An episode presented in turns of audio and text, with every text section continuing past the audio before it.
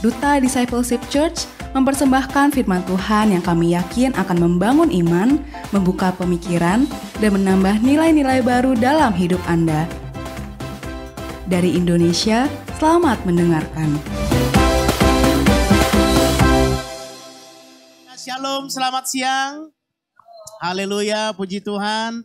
Saya bersuka cita sekali uh, dalam puji-pujian yang membawa kita semangat di dalam Tuhan. Dan saya percaya bahwa firman Tuhan yang sebentar kita akan dengar juga akan memberikan kekuatan dalam kehidupan kita. Dalam uh, berapa bulan ini kita sudah bicara tentang iman. Bagaimana orang percaya itu hidup dengan imannya.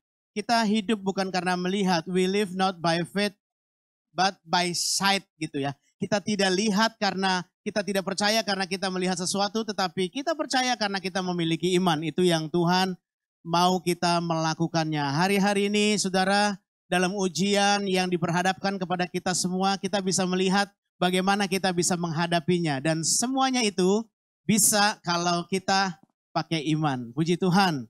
Uh, siang hari ini, saya akan terus menghubungkan tentang apa yang uh, akan kita pelajari khususnya dengan tema iman. Saya beri judul khotbah, mari baca sama-sama.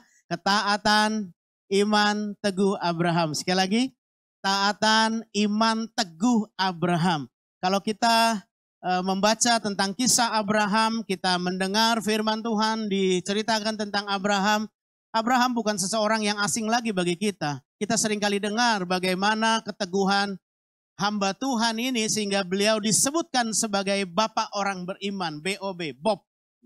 Kita juga anak-anak yang beriman kepada Tuhan, anak-anak Tuhan yang beriman kepada Tuhan, kita juga disebut orang beriman. Jadi kita juga bisa jadi bapak orang beriman. Yang setuju katakan amin. Jadi bisa panggil sebelah kiri kanannya kalau dia cowok, bapak-bapak bilang, halo Bob. Panggil dia, halo Bob. bapak orang beriman, saudara ya. Saya akan menghubungkan tentang apa yang uh, harus kita lakukan lebih lagi memperkaya hidup kita dengan firman Tuhan, khususnya dengan ayat-ayat firman Tuhan yang akan kita bahas bersama-sama hari ini. Dalam Roma pasal yang keempat ayat 18 dan seterusnya, mari kita baca bersama-sama. Bapak Ibu, 3, 4. Sebab sekalipun tidak ada dasar untuk berharap, namun Abraham berharap juga dan percaya. Sama-sama semuanya. Bahwa ia akan menjadi Bapak banyak bangsa menurut yang telah difirmankan. Demikianlah banyaknya nanti keturunanmu. Imannya tidak menjadi lemah walaupun ia mengetahui bahwa tubuhnya sudah sangat lemah karena usianya telah kira-kira 100 tahun dan bahwa rahim Sarah telah tertutup. Tentu kita tahu ayat ini saudara. Siapa itu Abraham? Abraham dipanggil Tuhan. Berapa usianya waktu dipanggil Tuhan? 75 tahun. Dari mana dia dipanggil? Dari Urkasdim. Urkasdim ini tempat di mana orang tua dari Abraham yang namanya Terah, mereka ada tinggal di situ.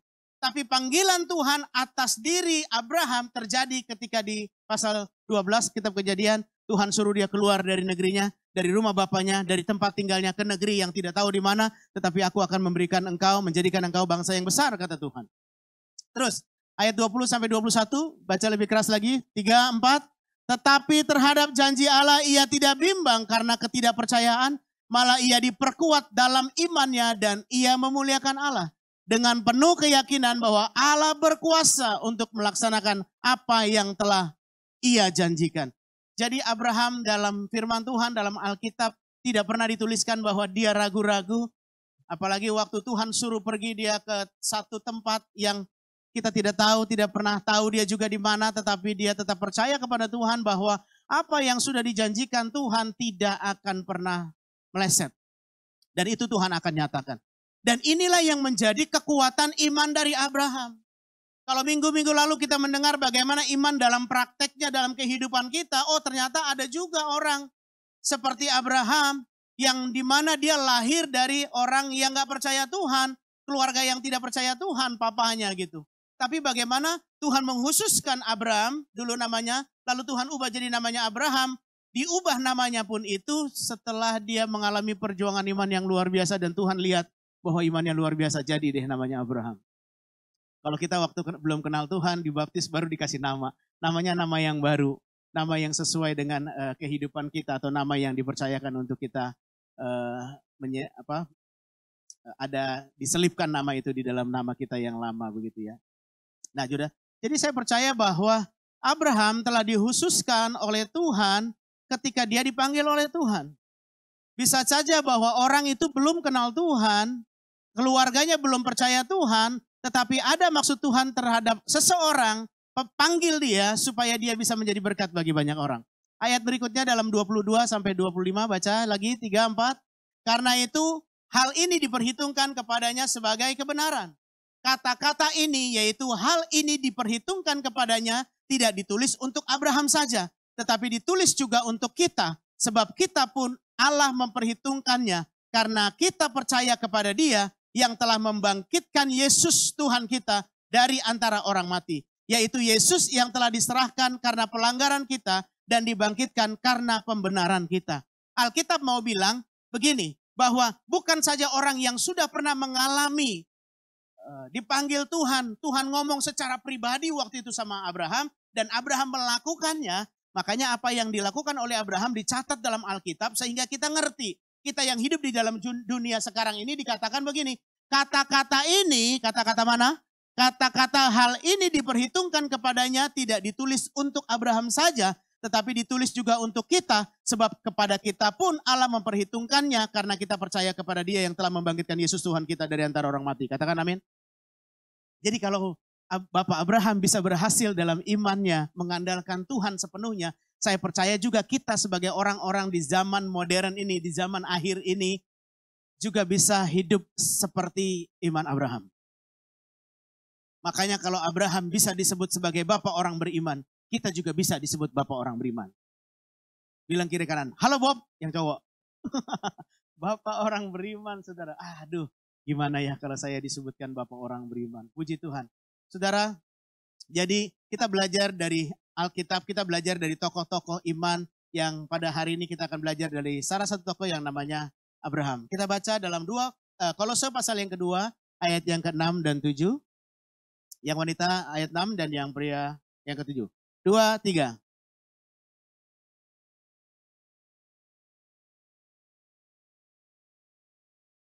Ya, Hendaklah kamu berakar di dalam dia dan dibangun di atas dia. Hendaklah kamu bertambah teguh dalam iman yang telah diajarkan kepadamu dan hendaklah hatimu melimpah dengan syukur. Jadi Tuhan mau mengatakan kepada kita bahwa Tuhan sudah pernah punya contoh yaitu Abraham yang dengan imannya begitu taatnya, begitu mengandalkan Tuhannya dan itu terjadi waktu pada zaman perjanjian lama. Siapa sih Abraham? Abraham ini keturunan dari Nuh. Nuh itu anaknya ada tiga, Sem, Ham, Yafet. Dari mana dia? Dari Sem. Dari Ham kita tahu orang Afrika yang katanya, eh bukan katanya, Alkitab berkata dia tidak menjaga kehormatan papanya. Waktu papanya mabuk, dia memperkatakan karena mereka melihat aurat papanya, si Ham gitu. Lalu Ham jadi terkutuk. Itulah akhirnya jadi, sejarahnya jadi orang Afrika gitu. Sekalipun kita gak bilang mereka terkutuk, sekarang kita berikan damai sejahtera bagi benua Afrika. Katakan amin. Jadi tempat-tempat yang terkutuk ada hadirat Tuhan, ada kita pembawa damai sejahtera, bisa perkatakan firman Tuhan akan terjadi. Tetapi itulah yang namanya perkataan Tuhan yang dihidupi oleh orang-orang pada zaman dahulu, perkataannya berkuasa. Mereka pakai sumpah, sumpah taruh di pangkal paha. Itu maksudnya apa? Kamu betul-betul terikat kepada sumpah. Dan sumpah seolah-olah yang dia katakan itu Tuhan ACC dan langsung jadi gitu. Luar biasa ya. Jadi Tuhan mau katakan bahwa kita adalah orang-orang yang bisa juga seperti Abraham kalau kita punya, kalau kita mengembangkan, kalau kita hidup sesuai dengan uh, apa yang Tuhan mau ya. Kita mengejar, kita sangkal diri pikul salib. Lalu di dalam 2 Kolose, uh, Kolose pasal 2 ayat yang 6 7 tadi dikatakan ini kamu telah menerima Kristus Yesus, karena itu hendaklah hidupmu tetap di dalam dia. Jadi kita semua udah terima Tuhan Yesus. Kalau ada yang belum terima Tuhan Yesus, dengan sungguh-sungguh, maka hari ini saya juga berdoa, saudara terima Tuhan Yesus sungguh-sungguh dalam doa, dan saudara mulai hidup dengan iman. Bapak Ibu Saudara kita bisa hidup dengan iman yang betul-betul. Tetap di dalam dia, lalu berakar dibangun, bertambah teguh dalam iman dan melimpah syukur, melimpah dengan syukur. Mari kita baca yang uh, tulisan yang saya bold warna kuning sama-sama. Tetap di dalam dia, berakar, dibangun, bertambah teguh dalam iman, melimpah dengan syukur. Sekali lagi ada lima hal, tetap di dalam dia, berakar, dibangun, bertambah teguh dalam iman, melimpah dengan syukur. Lima hal ini akan menjadi dasar bagi kita supaya kelihatan apakah kita betul-betul mengandalkan Tuhan. Kalau saya dipercayakan eh, membawakan firman Tuhan ini dan berkaca dari kisah Abraham, waduh jauh sekali. Kenapa? Karena perjuangan iman Abraham, hal-hal yang dilaluinya, ujian-ujian yang dilalui, wow, berat sekali. Tetapi kita, saya tidak berpikir, oh ya nanti saya nggak bisa, nggak selevel dengan dia. Tidak lagi seperti itu saudara. Karena saya percaya kita semua dimampukan oleh Tuhan kalau kita punya Tuhan yang sama dan kita punya komitmen yang sama untuk maju, untuk tetap mengandalkan Tuhan, Tuhan akan lakukan perkara yang sama. Jadi kita juga bisa sama seperti Abraham. Amin kita bisa seperti Bapak orang beriman. Nah, apa yang harus kita lakukan supaya kita uh, bisa beriman di hadapan Tuhan? Kita tetap di dalam Dia. Tetap di dalam Dia, katanya tetap berarti itu tidak berubah. Tetap itu tidak goyah. Tetap itu berarti konsisten. Berapa banyak nih anak Tuhan yang bilang percaya Tuhan Yesus, terima Tuhan Yesus, tapi akhirnya goyah akhirnya karena sesuatu, harta, tahta, yang lain, goyah dan akhirnya nggak tetap di dalam dia. Nah, bagaimana seorang percaya ketika percaya Tuhan Yesus, lalu dia berada tetap di dalam Tuhan. Kalau saya melihat Abraham, saya mempelajari, mendoakan tentunya sebelum saya menyampaikan firman Tuhan ini, dan pelajaran-pelajaran rohani apa yang saya dapatkan dari kisah ini, lalu saya mulai menemukan bahwa Tuhan itu panggil Abraham secara iman jauh sebelum dia ada di dunia ini. Sama seperti Tuhan panggil hidup kita ya saudara. Jauh sebelum kita ada di sini, Tuhan sudah punya rencana bahwa kita akan ada di sini, di gereja ini, kita akan dengar firman Tuhan, kita akan dimuridkan, dan kita akan e, mengalami pembaharuan-pembaharuan. Dan itu ada semuanya dalam blueprintnya Tuhan. Dan saya percaya itu. Walaupun Tuhan bisa memunculkan orang yang baik, orang yang percaya Tuhan sungguh-sungguh dari komunitas yang mungkin belum percaya Tuhan. Karena Terah, papanya, nggak percaya Tuhan. Tapi kenapa bisa muncul Abraham tahu-tahu e, bisa percaya Tuhan? Jadi mereka semua manusia waktu kalau kita baca tentang kisah Nuh kan sudah nggak ada di dunia ini. Udah habis kan, tenggelam semuanya, habis. Tinggal Nuh punya anak, Sem punya anak, itu beberapa keturunan kalau Bapak Ibu Saudara baca di uh, Alkitab itu keturunannya mulai dari Sem terus sampai ke Nahor. Nahor punya anak Terah, Terah punya anak Abraham, Abram, Terah dan Nahor. Tuh anaknya kok Terah lagi. Sama seperti saya nih, saya dapat punya anak Yehezkiel, anak saya yang pertama. Yehezkiel punya anak dapat lagi. Oh gitu ya. saudara gitu enggak? Papa saudara punya nama apa? Saya punya anak papa nama Pesta saya namanya Dapot. Anak saya nggak kasih nama pesta dong, namanya Yeskiel gitu. Tapi dulu ada. Dan itu bisa jadi jam, jadi satu wilayah. Wilayah di Haran ya, nama anak dari Terah. Nah, saudara, Tuhan panggil Abram bisa saja dari orang yang nggak percaya Tuhan. Keluarganya nggak percaya Tuhan. Sampai akhirnya panggilan Tuhan itu dinyatakan waktu zamannya Abram. Bukan zamannya Terah. Karena Terah nggak kenal Tuhan. Tapi Tera bisa dipakai Tuhan untuk suruh dia pergi ke Haran. Dari situ baru dia mati, baru dia percaya Tuhan. Ada suku tertentu katanya ya, kalau disuruh ikut Tuhan gitu masih malu. Kenapa? Karena tunggu deh papa saya meninggal dulu gitu ya, karena masih disuruh rawatin papa gitu ya. Papanya nggak percaya Tuhan makanya, tapi ketika ada tantangan untuk percaya Tuhan, tapi uh, masih nggak enak gitu. Sampai setelah meninggal pun masih merawat papa gitu ya.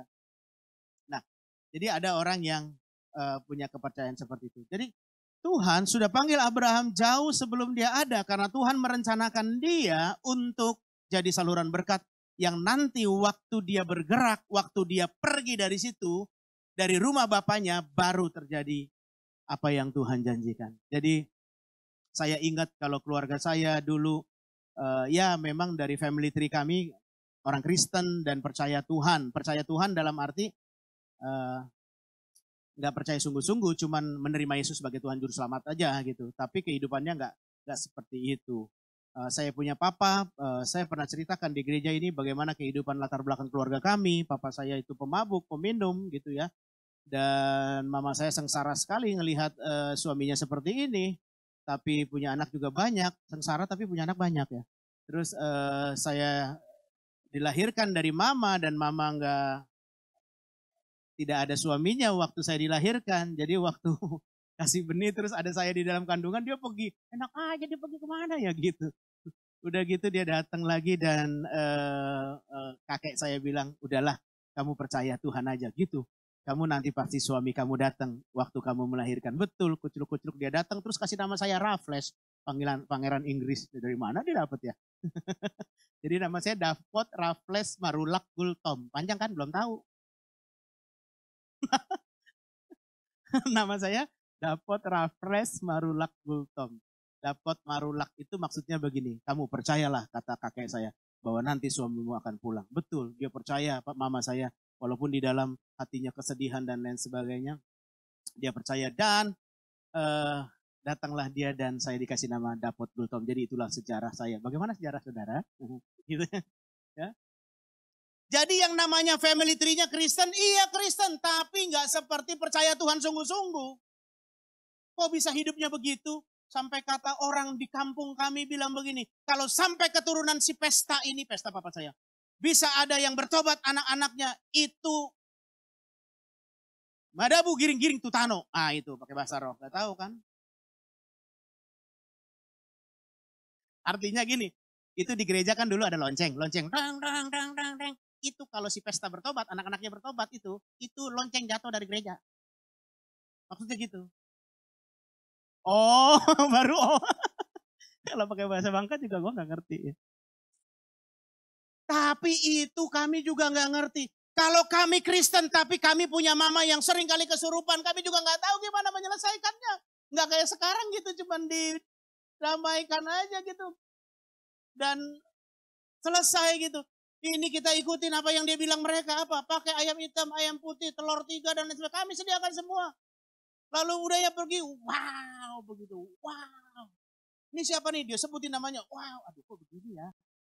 Orang Kristen tapi nggak pernah selesai dengan masalah seperti ini. Hidupnya gimana? Dihancurin setan keluarga kami. Sampai akhirnya kami mulai kenal dengan gereja dan kami dibimbing, saudara.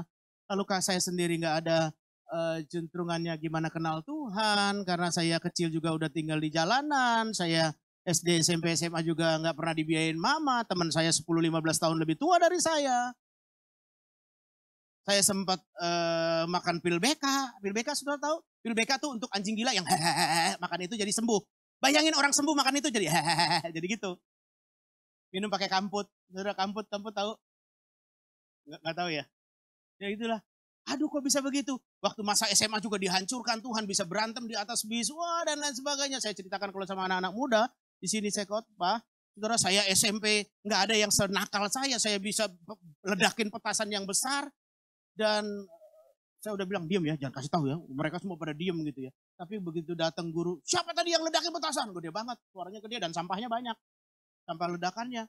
Lalu eh, saya kira dia setia kawan dan siapa kan? Baru rame-rame, dapat pak, gitu nunjuk semua jarinya.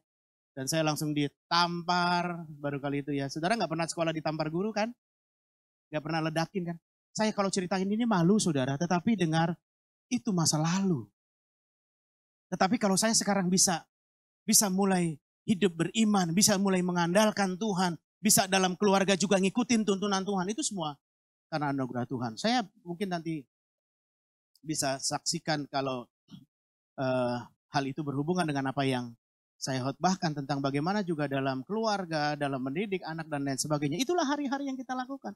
Tapi kalau kita tetap di dalam Tuhan, saudara, ujian yang datang sekalipun, apa pun itu, kita masih berharap, kita masih tetap percaya di dalam Tuhan. Makanya kita tetap di dalam Tuhan.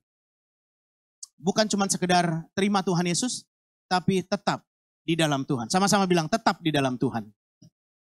Kalau orang yang berkomitmen untuk tetap di dalam Tuhan, ujian boleh datang, kesusahan boleh datang. Tapi dia berkata begini, aduh kayaknya sulit nih, tapi saya tetap berharap dan uh, percaya sepenuhnya kepada Tuhan, maka Tuhan akan menolong kita. Kejadian 11 ayat 31 dan 32, lalu Terah membawa Abram anaknya serta cucunya Lot, yaitu anak Haran dan Sarai menantunya istri Abram. Anaknya ia berangkat bersama-sama dengan mereka dari Ur Kasdim untuk pergi ke tanah Kanaan. Lalu sampailah mereka ke Haran dan menetap di sana. Umur Terah ada 205 tahun lalu ia mati di Haran. Setelah Terah mati, di situlah baru Tuhan panggil di kejadian 12. Tuhan bilang sama Abram, pergilah dari rumah bapamu ini ke tempat yang akan ku beritakan kepadamu.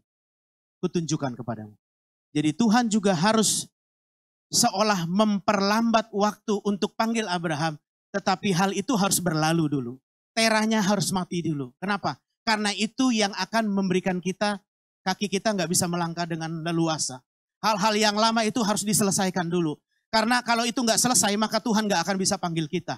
Tuhan bisa panggil kita, tapi kita nggak akan maksimal. Selalu mikirnya masa lalu. Selalu mikirnya hal-hal yang di belakang. Kalau kita mau mikir yang di depan nggak bisa. Kenapa? Karena ada yang masih memberadi, membebani perasaan kita di belakang. Jadi Tuhan mesti selesaikan dulu, baru Tuhan akan panggil kita jadi berkat Tuhan. Lalu yang kedua, bagaimana caranya? Kita harus berakar di dalam dia. Sama-sama sebutkan berakar di dalam dia. Berakar di dalam dia berarti kita udah kenal Tuhan, kita udah di dalam dia, kita udah percaya, lalu kita tetap ada di dalam Tuhan dan terus menerus berakar di dalam dia. Gimana caranya berakar? Kalau kita lihat akar, akar itu kan fungsinya menopang pohon. Akar itu kan fungsinya menyerap makanan dari tanah supaya dialirkan ke batang, ke daun, ke buah gitu. Berarti akar kita harus kuat, akar iman kita harus kuat kita harus berakar di dalam Tuhan. Berakar tuh gimana? Intinya kita tidak bisa tidak harus doa. Sama-sama bilang doa. Semalam saya diminta uh, khotbah di satu komunitas youth gabungan dari beberapa uh, gereja di Tangerang ini. Mereka minta saya bicara tentang uh, hidup yang berdampak dan rohani gitu. Saya bilang mereka nggak bisa berdampak secara lebih lagi kalau mereka nggak rohani. Dan salah satu ukuran orang yang rohani adalah dia cinta Tuhan. Dan indikator orang cinta Tuhan itu pasti doa. Jadi ketika saya tanya beberapa, sedikit juga yang angkat tangan yang punya kebiasaan hidup dengan doa. Waktu firman Tuhan disampaikan di gereja ini, saudara, saudara saya ngecek hati saya dan kita ngecek hati kita. Berapa banyak firman Tuhan disampaikan tentang doa, tetapi berapa banyak kita yang melakukan doa itu. Mungkin ada juga saudara yang berkata, iya sampai sekarang saya juga masih lupa doa gitu hanya makan aja yang ingat doa. Itu pun kadang makan lupa doa. Loh kok bisa seperti itu? Kenapa? Berarti bukankah kita harus memulai satu pengajaran itu dengan praktek dalam kehidupan kita. Jadi bukan cuma sekedar kita dengar lantas kita melupakannya. Karena firman Tuhan bilang, orang yang menerima firman dengan gembira. Kok menerima firman gembira? Waktu di, dibukakan dosanya, kok gembira? Harusnya dia ini dong, uh, introspeksi diri. Karena firman Tuhan salah satunya benih yang ditabur itu, penabur menabur, menaburkan benih, lalu di, di situ dikatakan bahwa orang menerima firman dengan gembira, tapi setelah itu tidak berakar. Begitu matahari muncul, matahari itu bicara panas, panas itu bicara ujian. Waktu ujian itu muncul, dia langsung layu. Dia langsung murtad. Kenapa? Karena tipis tanahnya. Kalau tipis tanahnya, akar tidak bisa masuk ke situ kan. Nggak bisa ke mana lagi orang tanahnya tipis. Nah berarti secara rohani, kita harus berakar di dalam Tuhan yang betul sungguh-sungguh dengan cara apa? Mengenal dia. Jadi waktu uh, setelah itu mereka ada minta sharing juga bagaimana tentang peningkatan kualitas pelayanan, bagaimana mereka mementor sebagai seorang mentor kepada para uh, menti-mentinya atau orang-orang yang ada di bawah mereka karena uh, gembala sidangnya memberi pesan bahwa ini kami mau mulai masuk kelas pemuridan, jadi masih one by one atau one by two gitu. Satu pimpin satu atau satu pimpin dua. Masih belum seperti kelas pemuridan kita, satu mentor memimpin berapa murid gitu. Tapi dia mau arah ke sana katanya. Jadi dia pesankan untuk saya juga bicarakan kepada mereka. Dan mereka, saya melihat dari respon mereka, mereka sangat diberkati. Oh iya nih ada hal yang baru, ada hal yang baru. Saudara, kita tidak bisa berakar kuat kalau kita tidak melakukan firman. Kita tidak bisa berakar kuat kalau kita kita nggak doa, kalau kita nggak baca Alkitab, kalau kita nggak intimate worship. Jadi gereja kita ada intimate worship. Senggol kiri kanannya, udah pernah datang? Ya tanya aja. Gitu. ini adalah kegiatan-kegiatan yang di mana kita dilatih untuk berakar di dalam Tuhan. ya Untuk supaya akar kita kuat. Kita nancepin akar kita kuat. Kita berpengharapan di dalam Tuhan kuat. Oke ada ujian, oke ada persoalan. Tapi saudara ngerasa nggak bahwa saudara ngadapin persoalan sekarang nggak sama lagi seperti dulu? Ada yang ngerasa? Bukan ada ngerasa ya, ngalamin kok ngerasa sih? Ya, ada ngalamin? Ya, Pastinya begitu ya dan kita terus kalau kita terus uh, perkuat, perkaya terus dan Tuhan akan bawa kita makin berakar teguh di hadapan Tuhan. Kejadian 12 ayat 1 sampai 3 dikatakan berfirmanlah Tuhan kepada Abraham, Abram, pergilah dari negerimu dan dari sanak saudaramu dan dari rumah bapakmu ini ke negeri yang akan kutunjukkan kepadamu. Aku akan membawa aku akan membuat engkau menjadi bangsa yang besar dan memberkati engkau serta membuat namamu masyur dan engkau akan menjadi berkat. Aku akan memberkati orang-orang yang memberkati engkau dan mengutuk orang-orang yang mengutuk engkau dan olehmu semua kaum di muka bumi mendapat berkat. Saudara coba perhatikan kata-kata yang di ayat 1, 2, 3 ini. Kok sepertinya tuh Tuhan tuh kayaknya bikin Abram tuh jadi powerful gitu ya. Kalau dia ngomong apa berkat, orang diberkati. Kalau dia ngomong kutuk, orang akan terkutuk. Wow itu powerful sekali. Tapi gimana? Tuhan bilang aku akan, aku akan. Nih ayat 2, aku akan, aku akan. Tuhan janji di depan sini. Aku akan buat kau menjadi bangsa yang besar. Tapi saudara, kalau Abraham gak bergerak, kira-kira terjadi nggak? Nggak jadi. Makanya Tuhan mau dulu, Abrahamnya bergerak dulu. Abrahamnya juga harus sangkal diri, pikul salib. Kenapa sangkal diri, pikul salib? Kenyataan yang diterimanya nggak begitu, saudara. Waktu Tuhan panggil Abraham, Abraham tuh udah nikah sama Sarai. Karena dia dibawa sama Terah papanya, mertuanya Sarai, dan keponakannya, dan orang-orang keluarganya menetap di satu tempat.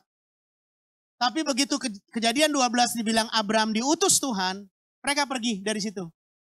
Yang dibilang aku akan, aku akan, aku akan. Sepertinya janji Tuhan luar biasa nih. Saudara terima janji Tuhan banyak gak? Ada nggak janji Tuhan yang tidak terrealisasi dalam hidup saudara? Ada nggak doa yang belum dijawab? Kita biasanya, aduh saya berdoa begini kok nggak dijawab-jawab ya, kok nggak dijawab-jawab gitu ya. Nah, Saudara, Abraham pergi ngikutin tuntunan Tuhan, tetapi yang dilihat nggak seperti apa yang dijanjikan Tuhan. Di situlah Abraham harus bergerak. Kenapa? Dia lihat uh, Sarai mandul. Belasan tahun mandul. Dia harus ketemu di tanah Negeb kelaparan. Masuk Mesir kelaparan. Masuk Mesir dia mesti deal sama istrinya bilang, kamu bilang aja adekku ya. Karena kalau aku bilang aku suamimu, kamu istriku, aku dibunuh. Jadi raja-raja dulu kalau lihat orang cantik langsung ambil jadi istri. Gitu. Gak peduli siapa. Dua kali Abraham ngalamin seperti itu. Dia harus menghadapi kelaparan. Jadi kalau kita lihat bahwa ujian demi ujian, kalau Bapak Ibu baca kitab kejadian, khususnya cerita tentang Abraham, di situ diceritakan ujiannya itu banyak sekali. Siapa yang berani disuruh? Tolong ambil barang ya. Di mana? Nanti deh kamu jalan aja nanti saya kasih tahu. Di mana nggak tahu gitu ya. Ini Tuhan bilang kamu akan saya jadikan bangsa yang besar. Pergi ke mana? Ke satu tempat. Wah ini berarti harus imannya luar biasa. Sekarang gimana? Gampang Pak. Ada ada GPS. GPS-nya itu uh, ada yang suara cewek, suara cowok dan dia lemah lembut. Kalau kita ke kanan padahal ada jurusan ke kiri gitu, kita ke kanan dia suruh putar balik. Ramah banget. Lalu kalau misalnya uh, kita beralih ke tempat lain gitu dan tidak sesuai, dia masih bilang 200 meter lagi belok kiri, putar ke kanan, putar ke kiri gitu. Kalau dia suruh ke kiri kita ke kanan, dia nggak bilang, woi kanan, woi kiri. Enggak, nggak dia bilang itu. Dia sopan sekali. GPS bisa sopan loh. Sudah. Ya, gimana kita gitu ya. Jadi Tuhan bilang, pergilah ke rumah, eh pergilah dari negerimu, dari sanak saudaramu, dari rumah bapamu ini, sanak saudaranya juga nggak kenal Tuhan negerinya juga terkenal dengan penyembahan berhala. Rumahnya juga papanya nggak kenal Tuhan. Nah, saudara pernah dengar satu kesaksian orang yang uh, kenal Tuhan lalu dia dikucilkan dari rumahnya, bahkan mau dibunuh, tapi kemudian dia percaya Tuhan dan akhirnya punya kesempatan mengabarkan Injil kepada keluarganya dan keluarganya sekarang terima Tuhan Yesus. Saya kira Bapak Ibu Saudara pernah dengar cerita tentang itu dan itu nyata. Persoalannya sekarang apakah orang itu mau pergi dulu untuk mewujudkan firman Tuhan yang dikatakan tadi. Kalau Abraham tidak pergi. Nggak bisa terjadi. Bagaimana Abraham membangun keyakinannya di atas firman Tuhan. Bagaimana kita menghadapi ujian dan kita membangun diri kita bahwa tidak ada yang pernah salah apa yang Tuhan buat dalam hidup kita. Jadi kita mesti punya keyakinan yang teguh dan membangun iman kita terus bahwa persoalan boleh ada tapi bersama dengan Tuhan melakukannya beda. Saya punya ujian tetapi kalau bersama dengan Tuhan jalan keluarnya pasti beda. Katakan amin. Jadi ini peneguhan-peneguhan Tuhan. Bahwa kalau kita datang kepada Tuhan, betul Tuhan tidak akan uh, tidak terima, Tuhan akan terima. Tuhan sudah buka diri, tapi kita juga mau membangun diri Bapak Ibu yang saudara yang dikasih Tuhan Yesus. Mau ikutin tuntunan Tuhan, mau membangun kehidupan rohani kita supaya kita makin berkenan, supaya kita makin baik kehidupan rohaninya. Dalam gereja ini diajarkan tentang nilai-nilai pemuridan di mana kita juga ketika kita masuk kita tahu, oh iya ternyata yang diajarin seperti ini. Dalam kelas-kelas pemuridan, saya sudah tujuh tahun gitu yang yang ngomong orang loh kamu kok bisa begitu ya ngomongnya? Kamu kok bisa begitu ya ngomongnya? Kok kamu bisa tenang ya? Kok kamu bisa ini ya? Gitu. Yang bagi mereka itu nggak pernah bisa sampai ke sana gitu. Ya saya juga nggak tahu, bukan bukan mau menunjukkan sesuatu yang berbeda terhadap orang lain, tidak juga. Tetapi orang juga akan melihat. Nah inilah sesuatu di mana kita ngikutin kegerakan-kegerakan atau apa pun namanya, di mana yang membawa kita untuk membangun kerohanian kita makin makin baik. Katakan amin. Jadi saudara di gereja kita seperti kita ada satu apa uh, powerful pray tanggal 13 April. Ya, betul ya. 13 April ada Powerful Pray. Saudara sudah daftar di sana? Kalau saudara mau daftar, saudara daftar. Atau rasanya kalau saudara nggak mau daftar, tapi kan ini kan pengembangan roh kita, daftar. Kalau nggak mau daftar, daftar gitu ya. Kenapa? Saudara nanti akan lihat hasilnya. Ya beliau adalah Bapak Joel Elkana yang akan memberkati kita. Pak Andreas Buria sudah ke Ungaran. Dan saya yakin percaya kita akan mendapatkan banyak hal impartasi khususnya tentang kuasa doa. Nah, ini yang harus kita ikutin. Ini kita membangun loh saudara. Oke, membangun lewat baca Alkitab, renungan secara pribadi, baca Alkitab, intimate worship, iya betul. Tetapi ketika ada sesuatu yang seperti ini, ini jarang-jarang ada di gereja, saudara. Saya ketika dipercayakan dalam kelas pemurid dan saya memegang hamba-hamba Tuhan bukan di gereja kita kan, para pendeta. Lalu ketika saya sampaikan kepada mereka, mereka juga ikut daftar. Oh ya saya daftar. Bahkan sampai beberapa kali daftarnya. Kenapa? Karena ada teman-teman dari gerejanya, dari jemaatnya yang juga didaftarkan gitu. Nah ini kegiatan membangun iman kita. Sudah. Jadi Bapak Joel Elkana akan isi sesi di hari Sabtu tanggal 13 April mulai jam setengah 8 sampai jam 4 sore ya. Dan besoknya hari Minggu juga akan melayani kita dalam ibadah. Saudara, saya sebagai hamba Tuhan juga mau ngaku, mau ngomong sama saudara bahwa kehidupan doa juga nggak begitu-begitu baik sih. Sebagai pendeta enggak. Dalam kelas pemuridan inilah saya punya jenis doa atau e, bagaimana kebiasaan doa itu bisa terbangun dengan lebih baik. Apalagi kalau ngomong tentang puasa, saya punya e, cerita tersendiri kepada teman-teman yang ada di kelas kami gitu. Kalau ngomongin puasa, aduh puasa Jam 10 11 aja perut udah keruak krok keruak krok keruak krok itu minta diisi gitu. Tapi ketika latih, wah mereka jadi semangat lagi. Jadi saya punya program uh, turunin berat badan 2 bulan 2 kilo, 2 bulan 2 kilo. Eh udah selesai, saya 92. Wah berat juga waktu saya nimbang loh. 92, wah gak sehat nih. Gak, gak maksudnya bukan orang gemuk gak sehat, maaf ya. Orang gemuk sehat. Tapi saya kayaknya keringetan nih. Saya kalau kalau hot kayak begini gak keringetan gitu ya. Lalu saya mulai bikin uh, ini lagi. Dulu udah pernah, udah pernah, udah bertahun-tahun udah pernah. Tapi yang tahun ini saya mau turun 2 kilo. Dan Februari, Maret ini tanggal 31, eh udah selesai. Uh, turun 2 kilo. Oh saya seneng gitu. Tinggal April, Mei nanti 2 kilo. Terus saya lihat teman-teman saya. Wah, yang di kelas. Wah, perutnya gede-gede nih. Wah, saya bilang nih Pak Pendeta, gimana ya caranya? Oke, hari Sabtu ini kita lari. Wah, di mana? Di alun-alun. Jadi saya dengan pendeta-pendeta hari Sabtu ini siapin baju olahraga ya, siapin celana training, sepatu olahraga. Apain Pak? Kita ke alun-alun. Apain? Lari. Oh lari. Dan mereka bilang, iya Pak, Saya juga perlu itu.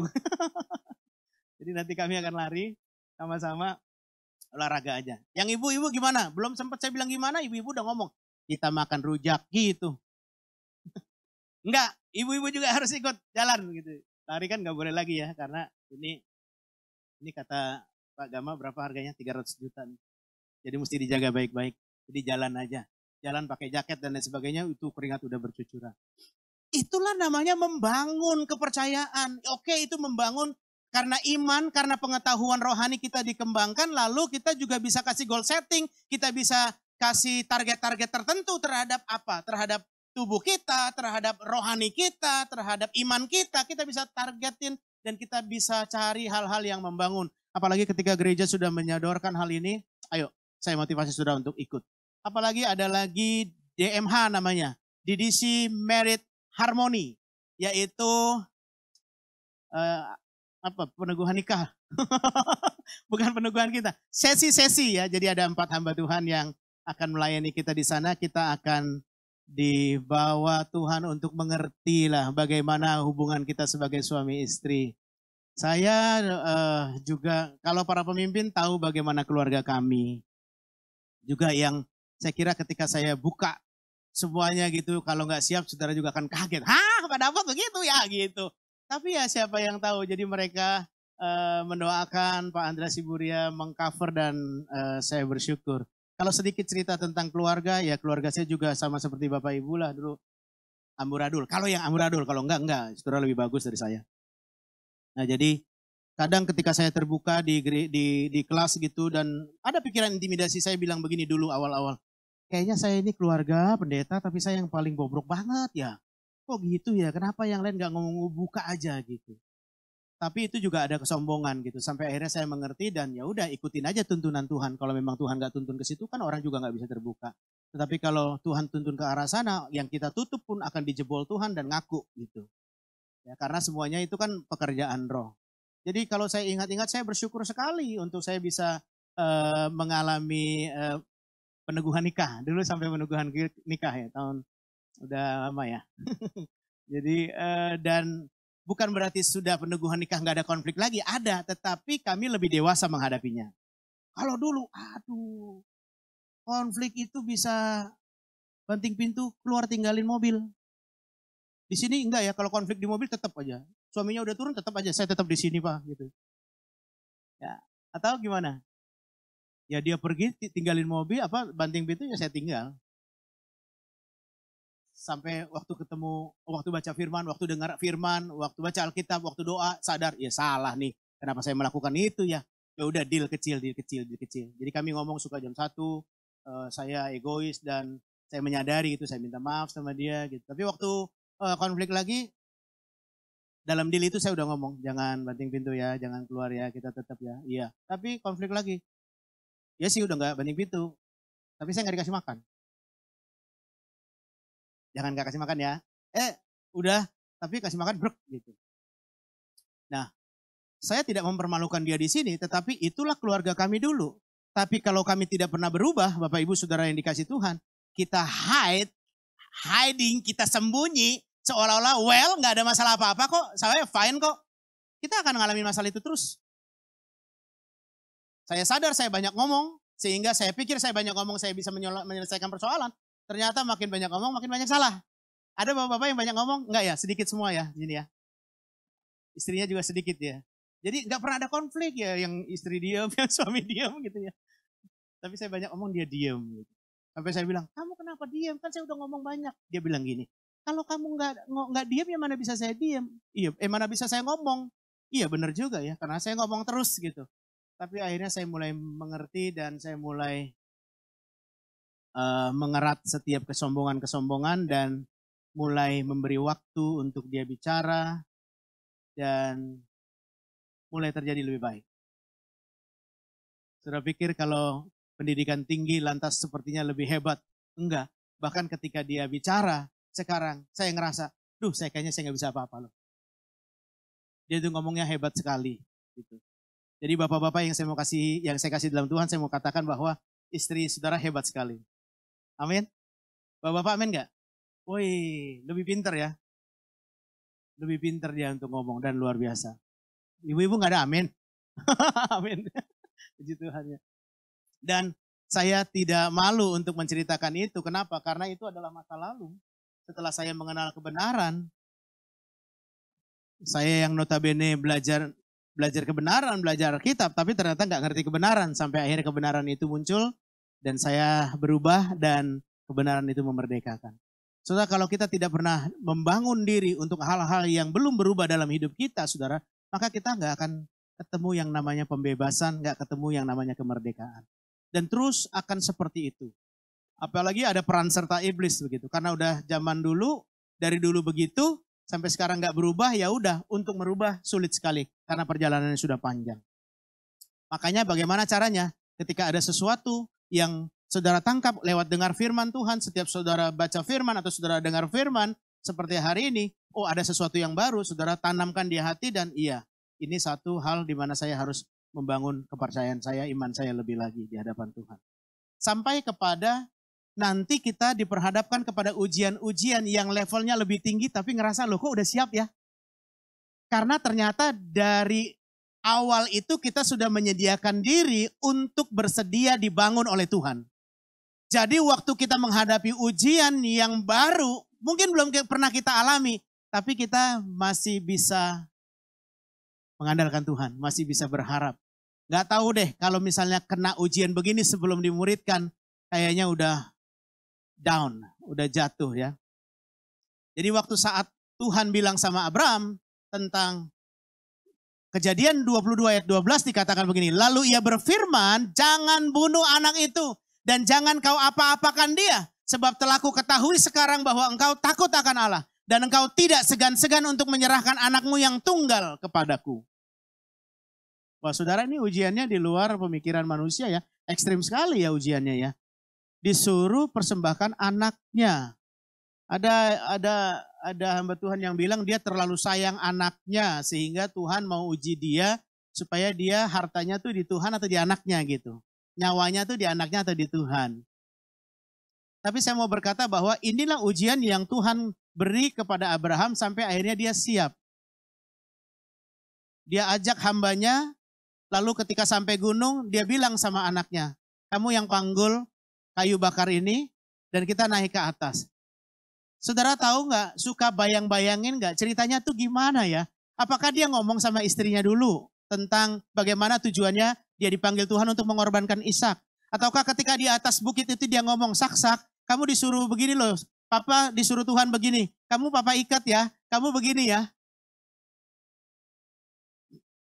Lalu kalau kita pakai pikiran manusia, ah yang benar pak, Pak Tuhan gak bilang sama saya, nggak apa, saya lari ah. Wah lari, Abraham dikejar-kejar dan lain sebagainya, akhirnya nggak jadi deh itu.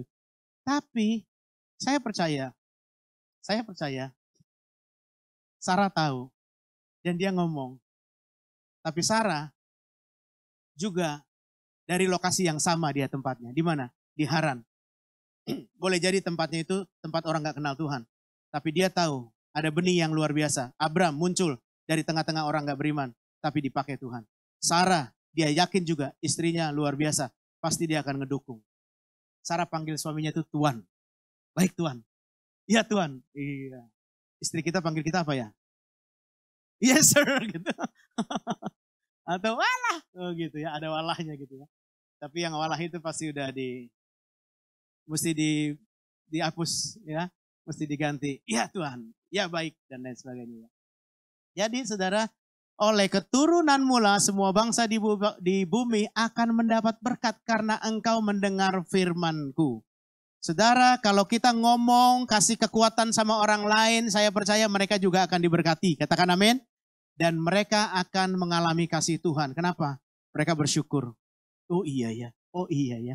Oh iya, saya nggak kepikir begitu ya. Kok kamu bisa kasih solusi begitu ya? Puji Tuhan semua karena Tuhan. Lalu berikutnya bertambah teguh di dalam iman kita. Lihatlah dari kisah Abraham, kejadian-kejadian tadi yang saya sebutkan. Dia dari lokasi, dari tempat tinggal yang di mana lingkungannya nggak kenal Tuhan. Tapi kok bisa muncul jadi orang yang percaya Tuhan. Walaupun dia harus bergerak dulu mengikuti tuntunan Tuhan. Dan waktu dia bergerak mengikuti tuntunan Tuhan yang dihadapi kelaparan.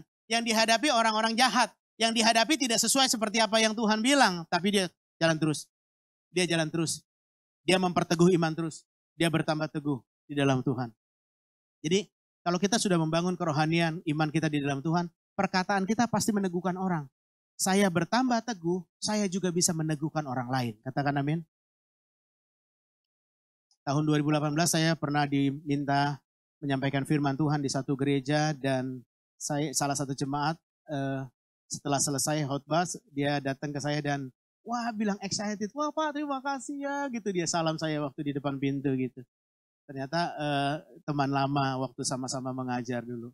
Nah eh, bulan lalu Februari tanggal 24 saya juga kembali diminta untuk khotbah di sana. Dan setelah ibadah pertama eh, ada satu WL ngomong begini Pak eh, ibu yang pernah ketemu bapak yang salam, yang namanya Ibu Sisi, teman bapak, sekarang akan siap dioperasi dan dia ada di ruang ICU pak sekarang. Jadi maksudnya gimana? Bolehkah bapak uh, saya shoot sebentar pakai video call atau di shoot sehingga rekamannya bisa saya kasih ke, ke dia dan dia dibangkitkan. Oh ya bagus, bagus. Gitu. Ya udah, oke ya siap ya. Sebentar aja gitu, cuma 2-3 menit. Ya siap ya. Hai Sisi, gitu namanya Sisi. Jangan pernah khawatir karena kamu takut, eh karena kamu sedang mengalami penyakit saat ini, kamu percaya Tuhan, maka operasimu akan berjalan dengan baik. Tuhan Yesus memberkati kamu, kira-kira begitulah. Dan saya pikir-pikir, uh, saya me mengangan-angankan itu akan memotivasi dia, sehingga dia kalaupun mengalami operasi, dia akan mengalami kekuatan iman. Orang yang sudah membangun imannya untuk terus ada di dalam Tuhan, maka dia akan bisa memper, meneguhkan orang lain. Kalau kita terus memperteguh iman kita, apa pun ujian yang kita hadapi, maka saya percaya kita juga akan bisa meneguhkan orang lain. Abram meneguhkan dirinya itu juga satu persoalan yang harus terus dia lakukan. Apalagi juga Abram meneguhkan istrinya bagaimana menghadapi Ishak yang di mana Tuhan minta untuk dikorbankan pasti dia akan teguhkan imannya. Suami istri saya percaya di sini saling meneguhkan ketika istri lagi lemah, ketika suami lagi lemah, pasti meneguhkan. Bahkan juga kita anak-anak kita, kita mau anak kita berhasil, kita mau meneguhkan mereka supaya mereka bisa jadi orang berhasil, supaya mereka bisa jadi berkat bagi orang lain. Kehidupannya layak. Saudara mungkin menginginkan mereka lulus, lulus S1, S2, S3, dan supaya kehidupan mereka bisa jadi berkat bagi orang lain. Dan itu pasti ada dalam eh, cita-cita uh, setiap keluarga. Abraham juga begitu. Tidak ada kita sebagai pasangan suami istri yang punya anak yang sudah menikah lalu mendambakan ya udah terserah aja dia punya calon istri, calon mantu kita, terserah deh mau yang gimana. Tidak, kita punya uh, kerinduan semua bisa yang terbaik. Apa sih orang Jawa bilang apa bibit bobot bebet ya? Ya, Ya, Wi. Oh ya, si Sandra juga uh, langsung colek. Bibit, bobot, bebet yang baik. Gitu. Sama kan, kita juga begitu. Saudara Abram juga begitu. Bagaimana dia memperteguh imannya, memperteguh istrinya, memperteguh anak-anaknya supaya dia hidupnya sama seperti apa yang Tuhan panggil. Lalu dia bilang sama hambanya begini. Tolong kamu carikan istri untuk anak saya Ishak. Carinya ke tempat saya, ke kampung saya. Tapi ingat, jangan bawa dia ke sana. Maksudnya apa sih? Abraham tahu tempat yang tidak begitu baik itu muncul orang yang baik. Istrinya Sarah. Dari situ asalnya. Dia nggak tahu dari tempat lain. Karena memang Tuhan bilang nggak boleh ambil dari orang-orang Mesopotamia, orang Aram, orang mana nggak boleh ambil dari tempat kelahiran sendiri. Lalu dia tugaskan hambanya, cari. Lalu dia bawa 10 ekor unta, dia bawa barang-barang perhiasan dan lain sebagainya. Pergilah ke kampung halamannya. Lalu si pekerja ini yang disuruh Abraham bilang begini, berandai-andai, sama seperti yang tadi saya bilang andai-andai. Nanti gimana ya caranya ya saya ngomongnya ya. Di mana sih biasanya yang terdapat banyak cewek? Kalau dulu, dulu di sono yang banyak banyak ada banyak cewek itu di sumur. Sumur di sumur banyak cewek. Kalau sekarang saudara yang mau cari mantu banyak cewek di mana? Katakanlah di mana? Di mall, di mall ya. Di mall kan cari cewek ya. Di gereja ya. Kok cari cewek di mall sih? Enggak, maksudnya kan yang banyak yang banyak orang gitu. Lalu dia bilang, pekerjanya bilang begini, gimana ya saya bilang ya, e, bolehkah kasih saya minum? Saudara baca Alkitab loh, ini ceritanya di Alkitab bukan saya ngarang. Jadi e, bolehkah saya minum? E, boleh nggak saya minta kamu tuangkan dari pergi eh, dari e, tempayan kamu gitu. Nah, saya lagi mikirin kalau kita cari nih uh, uh, calon mantu, jangan di mall deh di gereja, nggak elit banget sih masa di mall saja. Di gereja, gimana caranya cari gereja? Cari cewek, cari calon mantu di gereja. Kamu pelayanan apa? Enggak om, Wah, gitu ya. Gimana kan sulit ya. Tapi dia mengandai-andaikan gitu. Ternyata ini kan dengan iman gitu. Dia mengandai-andai tapi dia hidupnya kesungguhannya udah dipesan sama tuannya tapi dia hidup dengan iman gitu. Jalannya dengan iman. Ketemulah di sumur itu dan pas wanita-wanita banyak di situ. Ternyata dia ngomong sama salah satu wanita yang namanya siapa? Ribka.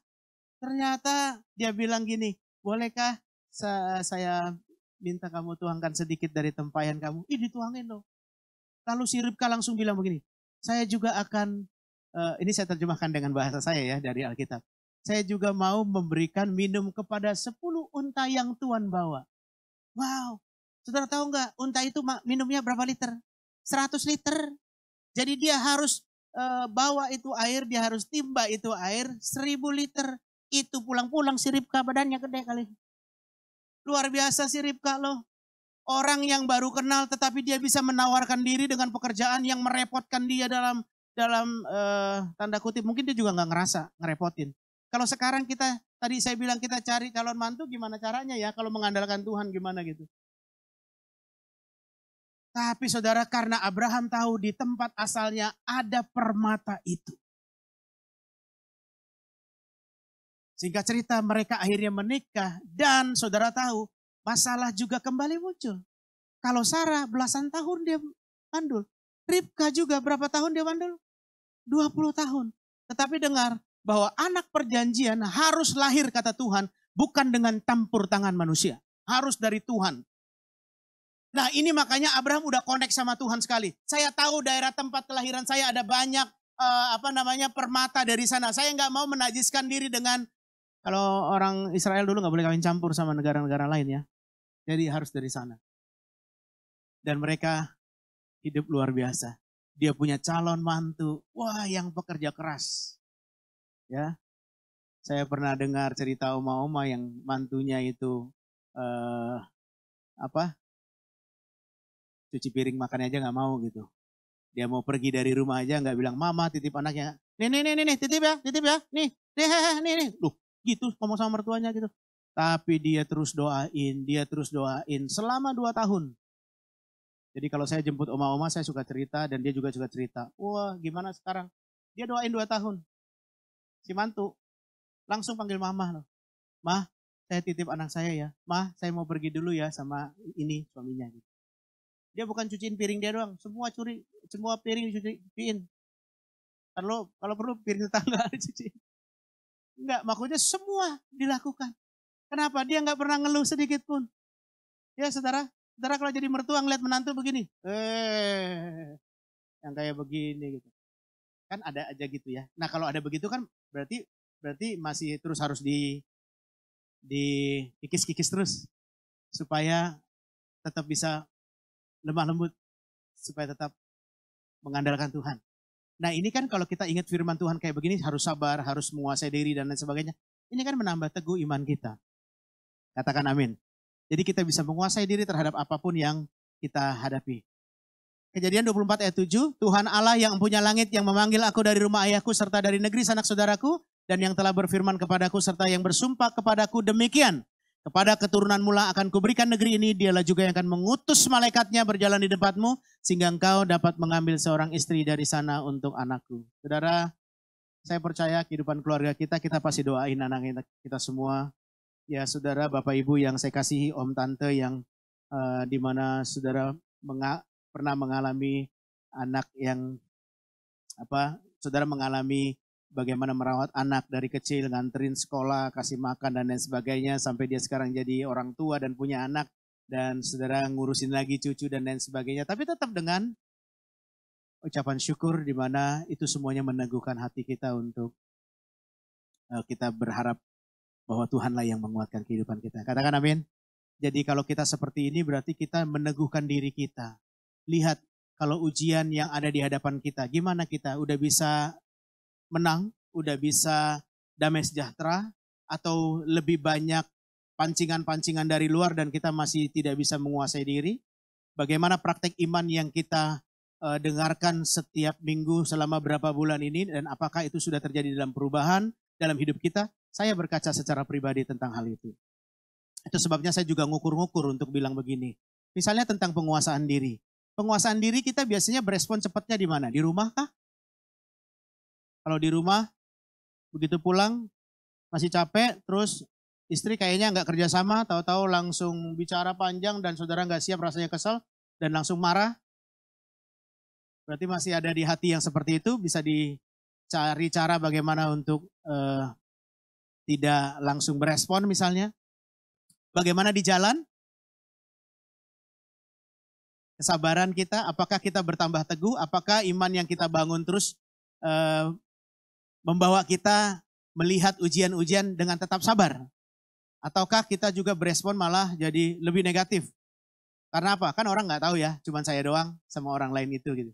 Ketika saudara dipepet jalannya, apakah yang keluar damai sejahtera ataukah saudara masih bisa tenang dan blessing? Jadi ini adalah indikator-indikator di mana kita bisa menguasai diri atau tidak. Ujian-ujian yang dihadapi atau pasangan terhadap suami dan istri seperti apa. Atau misalnya kalau kasih kita, orang Kristen kan dikenal dengan kasih, orang yang mengasihi kan itu berbuat kasih. Berarti orang yang beriman harus ada perbuatan. Perbuatannya apa? Kasih. Kasih kepada orang lain. Bagaimana kalau kita ngukur kasih? Kasih kita kepada keluarga apakah sudah baik Apakah kasih kalau satu hal saja karena banyak ini panjang. Eh, apakah misalnya kita sudah bersedia untuk menawarkan juru selamat kepada orang-orang dalam keluarga kita? Apakah mereka kenal juru selamat lewat kita ataukah kita biarin aja? Ataukah kita tidak jadi contoh teladan karena apa? Karena ada satu persoalan tertentu yang menyangkut persoalan keluarga dan nggak beres sampai sekarang sehingga kita nggak pernah berani untuk menyampaikan kabar keselamatan. Bagaimana kasih kita kepada orang tua, orang tua yang membesarkan kita, bagaimana kepada orang yang susah, orang yang kita lihat menderita, yang di mana perlu uang, perlu bantuan, perlu spirit, perlu kekuatan, perlu motivasi, nggak selalu tentang uang, tapi perlu diteguhkan, perlu teman ngobrol misalnya, perlu curhat, perlu sediakan waktu untuk orang tua, untuk orang lain.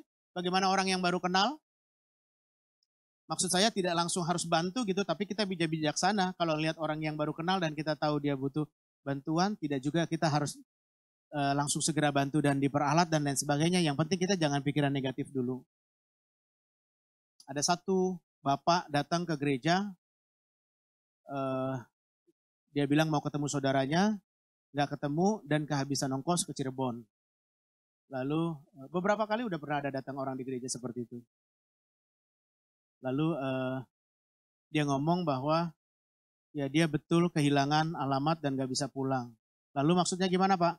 Uh, saya minta ongkos untuk ke Cirebon. Gitu. Karena dia minta ongkos ya udah kasih. Lalu ada teman juga di kantor yang kasih. Ya, kami murni saja. Saya tahu ada beberapa orang yang seperti itu. Tapi dari ceritanya, wah uh, ini sekali uh, apa uh, meyakinkan sekali. Saya berapa minggu kemudian, tiga minggu kemudian, saya lihat dia jalan di Poris. Lah katanya udah mau pulang ke ke Cirebon. Tapi e, mobil kan karena kacanya hitam nggak kelihatan dan saya perhatikan dia sedang berjalan di daerah itu dan ya saya blessing aja. Berarti kita juga harus melatih diri untuk mulai peka, andalkan roh kudus. Bukan dengan pikiran negatif. Ntar dia bener nggak ya? Ntar gimana ya kalau dia bawa lari uang saya atau dia gitu. Tidak, saya tidak berpikir seperti itu, blessing dia saja. Karena ketika satu pengalaman sudah terjadi, ketika dia datang tidak akan mungkin diberikan lagi gitu. Tapi ada orang-orang yang seperti itu. Ya, itu namanya bagaimana kita uh, apa cerdik ya. Kita diajarin juga dalam kelas pemuridan itu. Dan yang terakhir bagaimana kita jadi orang bijaksana. Oh ini sebelumnya. Jadi saya percaya ini bahwa kita terus Tuhan beri peneguhan dalam hidup kita sehingga kita terus percaya kita terus dikuatkan. Kita yang usia uh, sudah sudah pemuda, ya karena pemuda ya ini. Jadi ada golongan usia menurut WHO katanya gini World Health Organization, organisasi kesehatan dunia mengklasifikasikan usia orang 0 sampai 17 itu anak-anak di bawah umur. Lalu 18 sampai 65 tahun pemuda. Tolong kasih salam di kiri kanannya yang 65 tahun bilang selamat pemuda, pemuda, pemuda. Haleluya. Pemuda-pemudi. Wow. Ya, luar biasa ya. Lalu kalau yang usia 66 sampai 79 itu namanya pemuda setengah baya. Ya jadi kalau nyanyi juga wah masih bisa lompat-lompat gitu ya. Jadi nggak ada orang yang tua. Bilang kiri kanan nggak ada orang yang tua. Ah, semuanya pemuda sampai 79. Nah, lalu yang 80 sampai 99 baru orang tua. Po, orang tua po. Orang tua po. Lalu yang 100 tahun ke atas baru dikatakan orang tua berusia panjang. Lalu ini WHO loh bikin klasifikasi. Kalau saya, ah saya bersyukur bukan anak di bawah umur, tapi saya pemuda. Amin. Ya. Jadi yang uh, yang sebentar lagi gocap pemuda. Bilang kiri kanan yang gocap pemuda. Pemuda. Jadi kalau ngerasa badan udah kayaknya kok ada yang ngerentek ya, kok kena hujan dikit aja kok udah pening-pening ya. Ah, ingatlah bahwa saya ini pemuda ya bapak orang beriman panggilnya Bob panggil dia Bob bapak orang beriman terakhir bagaimana kita bisa mengandalkan iman kita kita jadi punya iman yang teguh seperti Abraham kalau kita mengucap syukur melimpah dengan syukur kalau kita mikir-mikirin yang jelek ada aja tapi percayalah yang baik kalau kita pikir-pikir bukan cuma pikir kita alami pasti lebih baik katakan amin ini sebenarnya ngerubah cara pandang kita aja Kadang kalau kita ngelihat orang yang berhasil, wah kayaknya ada cemburu kah sedikit. Atau kita ngelihat orang yang susah kita hindari gitu. Tapi ini semua cuma cara berpikir aja. Bagaimana kita memikirkan diri kita bahwa kita adalah orang yang bersyukur, beruntung, Tuhan kasih anugerah. Kalau saya nggak percaya Tuhan, saya nggak kenal Tuhan, saya nggak tahu ada di mana. Saya pernah ceritakan kepada saudara tentang pengalaman saya waktu mengalami kecelakaan, waktu mengalami tersengat listrik, sudah mati dulu. Tapi karena Tuhan karena kebaikan dia Tuhan masih mau saya hidup dan sampai hari ini saya bisa uh, ngomong di sini jadi berkat apa yang sudah terjadi dalam hidup saya saya bagikan kepada saudara dan saya percaya kita semuanya sama-sama membangun kehidupan rohani yang lebih baik.